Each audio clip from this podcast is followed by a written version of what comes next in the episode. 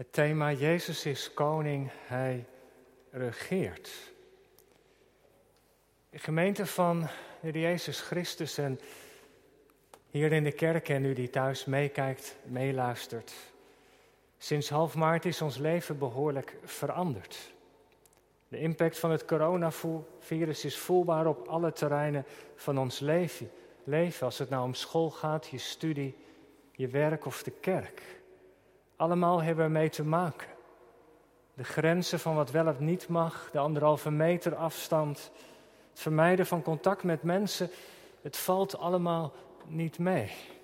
Zeker niet bij verdrietige momenten als een begrafenis of blijde momenten als een bruiloft of een jubileum. En de uitbraak van het virus heeft natuurlijk ook veel vragen opgeroepen. Gelijk al vanaf het eerste begin. Hoe heeft het nou kunnen gebeuren? Wie is er voor verantwoordelijkheid? Zijn het mensen die onzorgvuldig waren in het lab? Of is het toch in Wuhan op die markt misgegaan? Of moeten wij hierin de hand van God zien? En al vanaf het eerste moment klonken er, klonken er ook stemmen op CIP.nl en het Reformatorisch Dagblad dat we de uitbraak van het virus moeten zien als een oordeel van God. God straft door dit virus de zonde die wij mensen op aarde begaan. En soms vragen mensen ons dat ook als, aan ons als dominees, hoe kijkt u eigenlijk, zoals onlangs nog, tegen de uitbraak van dit virus aan? Persoonlijk ben ik terughoudend om deze uitbraak van het virus te duiden als een oordeel van God. Om twee redenen. En de eerste is deze. Dat God mensen of volken kan straffen, dat is zeker een Bijbels gegeven. Veel plaatsen in de Bijbel lezen we dat, dat de Heere God het kwaad straffen kan. Maar er wordt in de Bijbel dan altijd iets bijgezegd. Door God zelf of door een profeet. Datgene wat er nu gebeurt, dat dat een straf is. En waarom die straf ook bedoeld is. Waarom mensen deze straf ook Er is een uitleg, wordt een reden gegeven. En voor het huidige coronavirus hebben wij niet zo'n briefje uit de hemel van God gekregen. En juist omdat we geloven dat de Heere God een rechtvaardige rechter is, een liefdevolle vader, mogen we dat juist wel van Hem verwachten. Dat als er een oordeel is, dat Hij ook tekst en uitleg zal geven. Want zo is het natuurlijk toch ook in de opvoeding. Als je als vader of moeder je kind opvoedkundig straft, dan geef je daar toch ook altijd een motivatie bij. Dat is niet zomaar willekeurig, maar dat is daar en daarom. Misschien zit er dan ook wel een opvoedkundig doel achter. En als dat al voor ons als ouders geldt, hoeveel te meer voor onze Vader in de hemel. En de tweede reden, die reden vind ik misschien eigenlijk nog wel belangrijker, is deze. Als je al die duidingen van het coronavirus leest en wat wij allemaal meemaken, dan valt daarin zo weinig de naam van de Heer Jezus. In heel veel duidingen wordt hij niet of nauwelijks genoemd. En volgens mij kan dat niet. Weet u, de schrijver van de Hebreeënbrief zegt heel duidelijk dat God voortijds op vele wijze, op vele manieren tot, tot het volk van God gesproken had, maar dat hij in de laatste dagen, die zijn sinds Pinkster aangebroken, dat geldt de tijd waarin wij leven, dat hij in het laatst van de dagen tot ons spreekt door de Zoon. Na de Heer Jezus komt er helemaal niemand meer. Wij moeten het doen, we mogen het doen met Hem. En als wij ons van onze zonde moeten bekeren, en dat moeten we inderdaad, dan is dat niet omdat er iets in de wereld gebeurt, maar dan is dat omdat Hij ons dat heeft gezegd.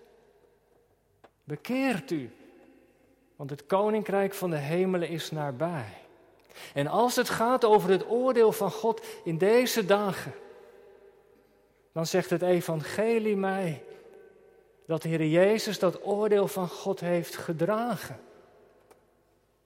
En daar hoor je zo weinig over, dat hij dat aan het kruis al heeft gedaan. Met andere woorden, over wat God vandaag in deze wereld doet. Mogen wij niet spreken buiten de Heer Jezus om? Want de Bijbel vertelt ons dat God de regering van deze wereld in de handen van zijn zoon heeft gelegd. En als het ons niet lukt om, als we geen duidelijke boodschap van de Heer God hebben gekregen over iets wat in de actualiteit gebeurt, en als we dat ook niet met de Heer Jezus kunnen verbinden, dan kunnen we er maar beter over zwijgen. We hebben aan het evangelie genoeg. En in alles wat er gebeurt, jongelui, lieve broeders en zusters, gaat het maar om die ene vraag. Wie is de Heer Jezus? En het is met name dat laatste Bijbelboek dat dit zo duidelijk laat zien. Het boek Openbaring is een grote onthulling van wie Jezus is. Als je door dat boek heen bladert, kom je zoveel dingen tegen over hem. Hij is het lam dat staat als geslacht. Hij is de leeuw van Juda. Hoofdstuk 19, hij is de koning der koningen en de Heere der heren. Mij is gegeven alle macht in hemel en op aarde. En gelijk al, voordat dit Bijbelboek iets over de geschiedenis gaat onthullen, de geschiedenis in de dagen van Johannes in de hoofdstukken 1 tot en met 3, de brief aan de gemeente, en de, de tijd die daarna komt, voordat het Bijbelboek allerlei dingen gaat onthullen over de eindtijd, start het met een visioen van de Heer Jezus in het eerste hoofdstuk. En dat is de juiste insteek, want als je niet met de Heer Jezus begint, zul je nooit bij Hem uitkomen. Kijk maar even mee, gelijk al in het eerste begin. In de versen 1 tot en met 8, de eerste pericoop die we hebben gelezen, het begint zo. Wij noemen het Bijbelboek de openbaring van Johannes, maar dat is natuurlijk geen goede titel. Het is de openbaring van Jezus. Het is de onthulling die Jezus geeft via een engel aan Johannes. Het is de openbaring van Jezus aan Johannes. En dan worden daar allerlei dingen al gezegd over de Jezus, over de dingen die spoedig gaan komen. Maar kijk maar even naar de versen 5 en 6. Jezus Christus, hij is de getrouwe getuige, de eerstgeboren uit de doden, de vorst van de koningen der aarde. Identiteit, wat hij voor ons heeft gedaan, heeft ons lief gehad, heeft ons van onze zonden gewassen, heeft ons gemaakt tot koning en priesters. Het thema van vanmorgen ook. Voor zijn vader, hem zij de heerlijkheid, de kracht en de heerlijkheid. Hij komt. Versen 1 tot en met 8. Het Bijbelboek is nog maar nauwelijks begonnen of het start al met allerlei dingen te zeggen over de Heer Jezus. En in de versen 9 tot 20, daar ligt het accent een beetje in de preek, horen van het visioen dat Johannes krijgt. Maar voordat het tipje van de sluier wordt weggenomen en de, de laatste dagen worden onthuld, start dit boek met Jezus. En dat is de insteek die we moeten vasthouden als we dit boek samen gaan lezen. De tijd die komt, maar juist ook vandaag. Een tijd waarin zoveel speelt. Het grote toneel van de wereld. De beperkingen door, door het coronavirus zouden onze blik zomaar naar beneden kunnen trekken naar de omstandigheden. Je maakt je zorgen, je ziet dingen gebeuren.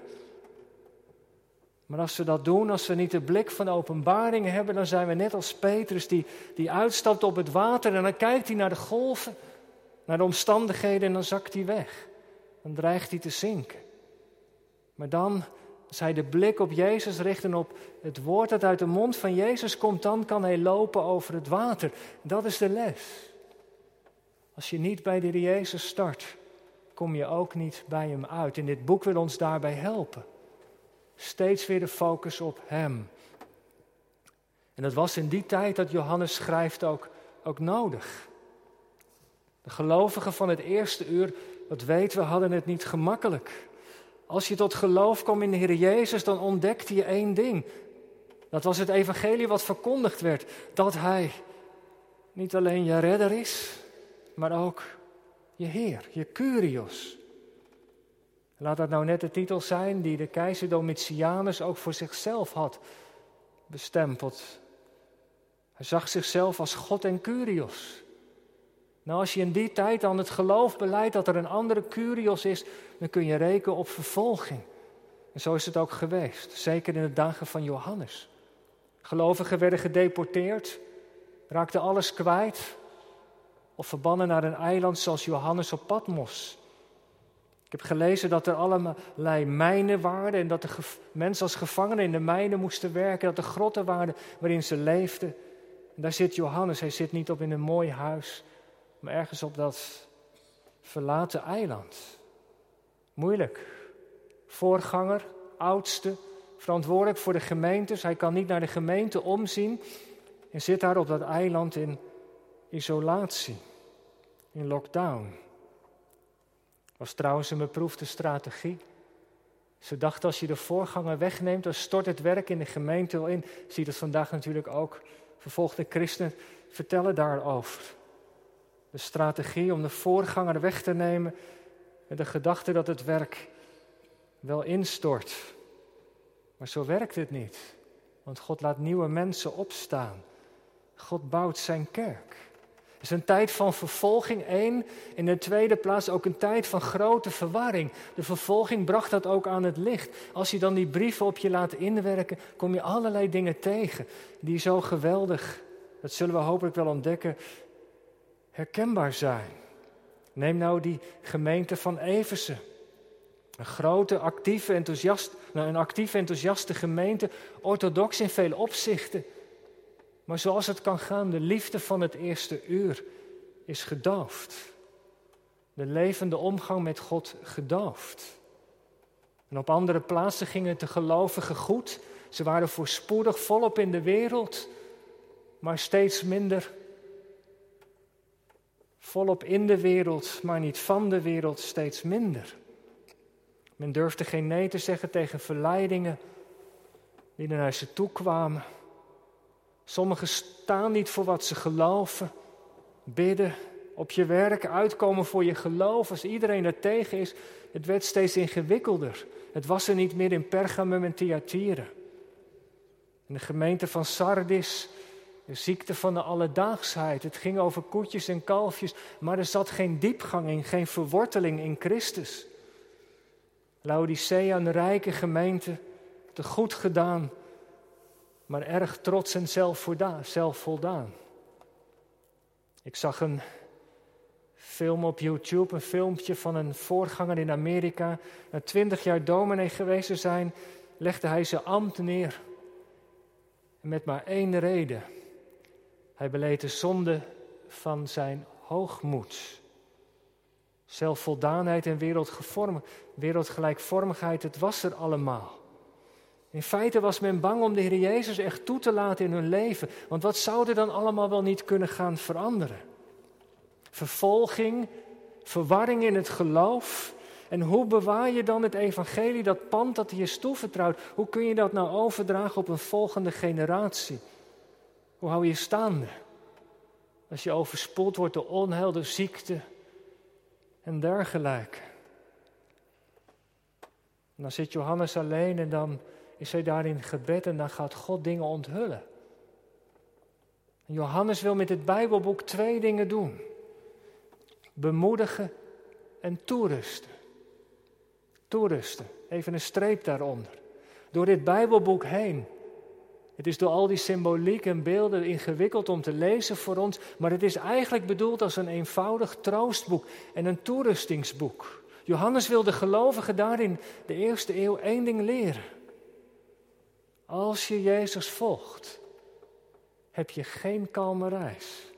Lijden en vervolging kan dat met je meebrengen.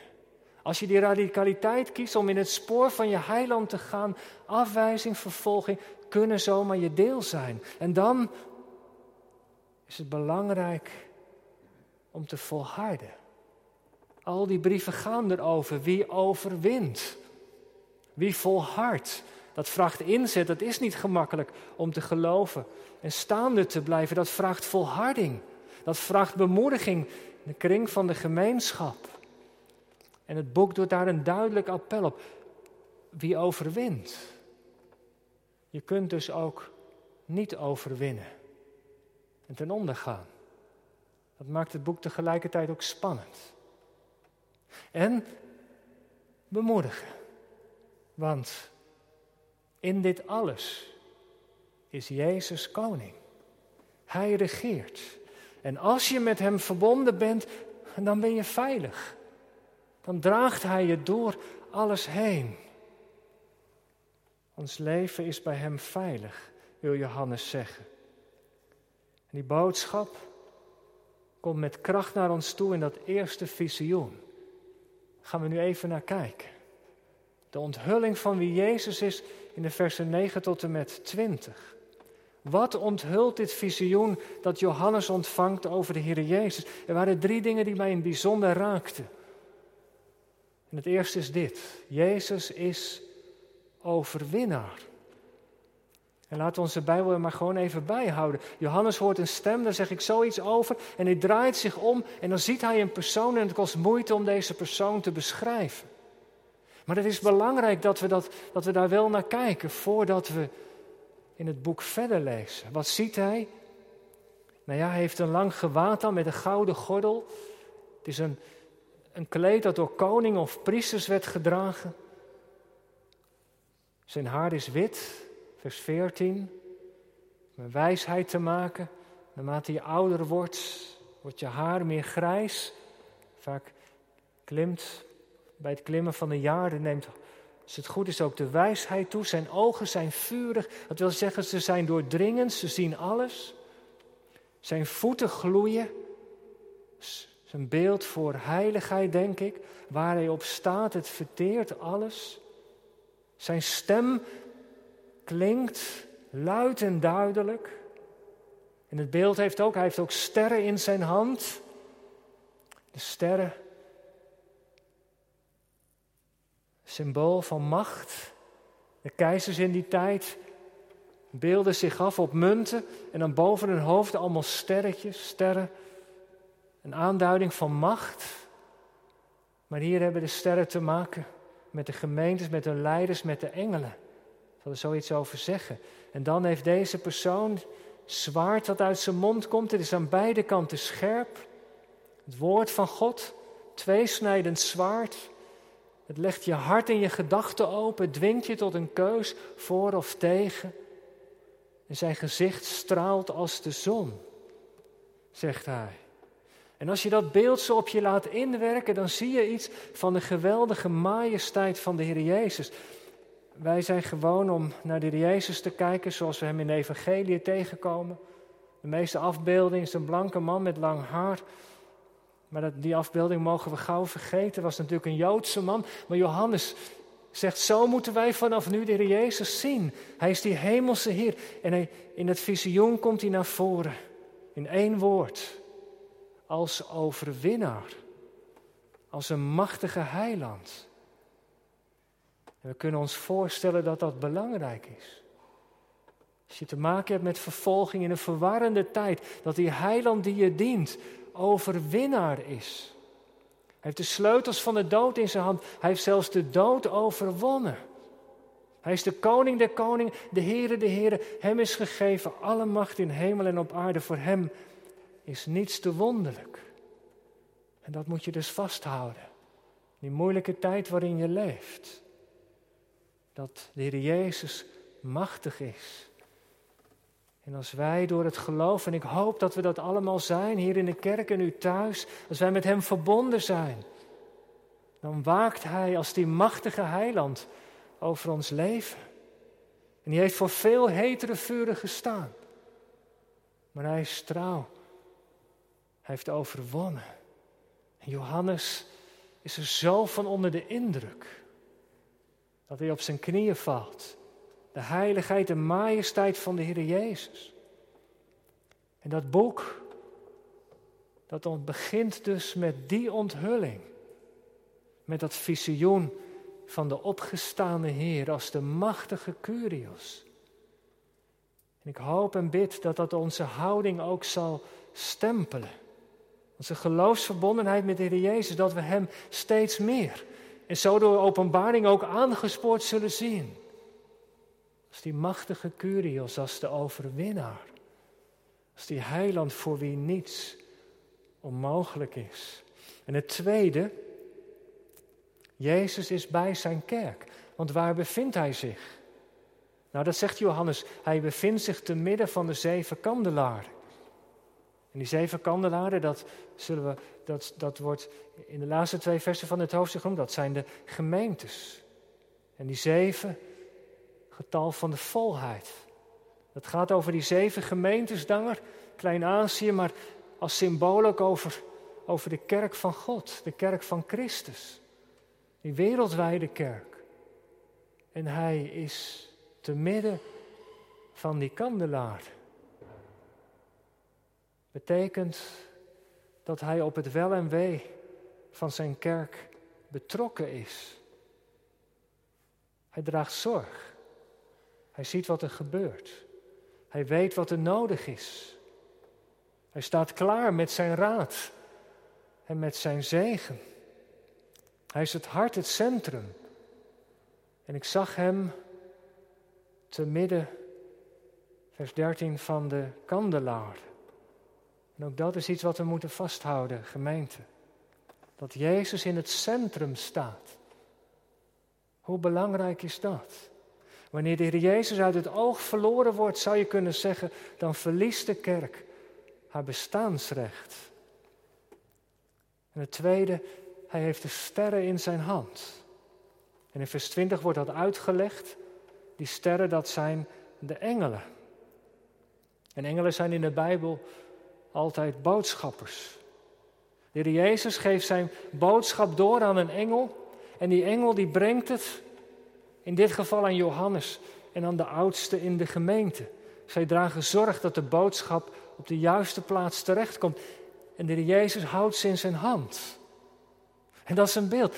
Hij draagt zorg ervoor dat, de, dat zijn boodschap ook daar komt waar het moet zijn. Dat zijn woorden doorgegeven worden. In alle verwarring die, die er is, de poorten van de hel zullen zijn gemeente niet overweldigen. En natuurlijk, de gelovigen worden aangespoord om die woorden van Christus te horen. Hoor wat de geest tot de gemeente zegt, elke keer weer het appel. Die luisterhouding is belangrijk. Want als wij niet langer meer luisteren, kan hij de kandelaar wegnemen. Zeker. En dat is ook gebeurd in al die plekken waar, niet meer, waar hij niet in het centrum stond, waar er niet meer naar hem werd geluisterd. Maar het belangrijkste is dat hij het in zijn handen heeft. Hij waakt over zijn gemeente, over het woord, over de toekomst van de kerk. Iemand zei, Christus is een koning die nooit zonder onderdanen zal zijn. Hij zal zijn kerk niet loslaten. Hij is te midden van de kandelaren, hij is erbij. En dat had hij ook aan zijn leerlingen beloofd. Zie, ik ben met u. Alle dagen. En dat mag een bemoediging zijn in deze tijd van corona. Die vragen die ons bezighouden over de gemeente, over de toekomst. Over je eigen leven, misschien over je werk, je huwelijk, je gezin. Als je aarzelt of, of God wel er wel is, of die wel van je afwijkt. Dat visioen dat zegt mij dat Jezus er wel degelijk is, ook al zie ik hem niet. Heel vaak zie ik hem niet, maar hij straalt. En als hij zegt dat hij er is, dan is hij er ook. En hij laat niemand in de kou staan. Te midden van de kandelaar is het tweede. En het derde wat mij weer opnieuw trof, was die persoonlijke bemoediging. Als Johannes dan onder de indruk is van het visioen, als hij op de grond ligt, in aanbidding, ontzag, is daar opeens een hand. De hand van Jezus op zijn schouder. En het is zo bijzonder. Elke keer weer als Jezus iemand ontmoet, dan klinken die woorden. Wees niet bevreesd. Wees niet bang. Ik ben de levende. Ik heb de sleutels van de dood. Je hoeft niet bang te zijn voor je leven. Dat ligt in mijn hand. Ik ga erover. Hoe vaak hebben die woorden niet geklonken in allerlei situaties van het leven? De woorden uit de mond van Jezus. Wees niet bevreesd. Als de golven hevig waren, als er onheil was. Wees niet bevreesd. Ik ben er toch? Als de machtige Heer buigt hij zich over Johannes die op de grond ligt. Wees maar niet bang. En weet u, zo gaat het vaak. Wij zijn mensen van beneden. Wij letten op de omstandigheden, de dingen die er gebeuren. En zomaar ineens word je door schrik of zorg overvallen. Nu is er corona, straks misschien weer wat anders. De ene ramp is nog niet voorbij of de volgende dient zich alweer aan. En het kan je zomaar verlammen of ontmoedigen. De toekomst onzeker, wat zal de toekomst ons brengen? Ik weet het niet. U en jij, wij weten het niet. Eén ding wel, de wereld gaat naar zijn einde. De tekenen die we zien zijn de voetstappen van de Heer Jezus, zeker. Wie weet hoe lang het duurt. Maar dat zijn komst aanstaande is, daar hoeven we niet aan te twijfelen. Maar wat er ook gebeurt, dat woord dat mag resoneren in ons hoofd. Wees niet bevreesd. Net als Petrus kijkt niet naar de omstandigheden, zegt Jezus tegen ons vanmiddag, maar naar mij. En dan als laatste, is een prachtige boodschap in dat visioen. Voor alles moeten de gelovigen dat, dat voor ogen hebben. Maar Johannes ziet niet alleen wat hij hoort ook iets. Daar sluit ik mee af. Voorafgaand aan het visioen is daar een stem. Spreekt de opgestane Heer tot hem en wat zegt hij? Ik ben de Alpha en de Omega. De eerste en de laatste letter van het Griekse alfabet. Ik ben de eerste en de laatste. Dat is bijzonder. Wij beginnen vandaag aan een nieuw winterseizoen. Met veel beperkingen nog, maar we starten. Maar wat zal dit jaar ons gaan brengen? Ik zei al, we weten het niet. Maar het mag ons tot troost zijn dat Jezus de eerste en de laatste is. Hij staat aan het begin en aan het einde. Heel dit seizoen wordt door zijn beide handen omgeven. Hij staat aan het begin en bevindt zich aan het einde van A tot Z. Waakt hij over zijn werk. Wij laten steken vallen. U, jij en ik. Ons werk is zo vaak stukwerk. Soms kan je dat ook aanvliegen. We stoppen soms halverwege. Maar Jezus, Hij maakt af wat Hij is begonnen in ons leven. In Zijn kerk. Want Hij is de Alpha en de Omega. Wees erdoor bemoedigd vanmiddag. En ook aangespoord om steeds naar zijn stem te luisteren. De dichter van de psalm zegt het. Hoe zalig, hoe gelukkig, hoe voluit gelukkig is het volk dat naar uw klanken hoort. Zij wandelen hier in het licht van het goddelijk aanschijn voort. Woorden die we zo zullen zingen. Zij zullen zich in uw naam. Denk dan aan de naam van Jezus. Zij zullen zich in de naam van Jezus elke dag verblijden. Mag het zo zijn bij ons in Gouda. Amen.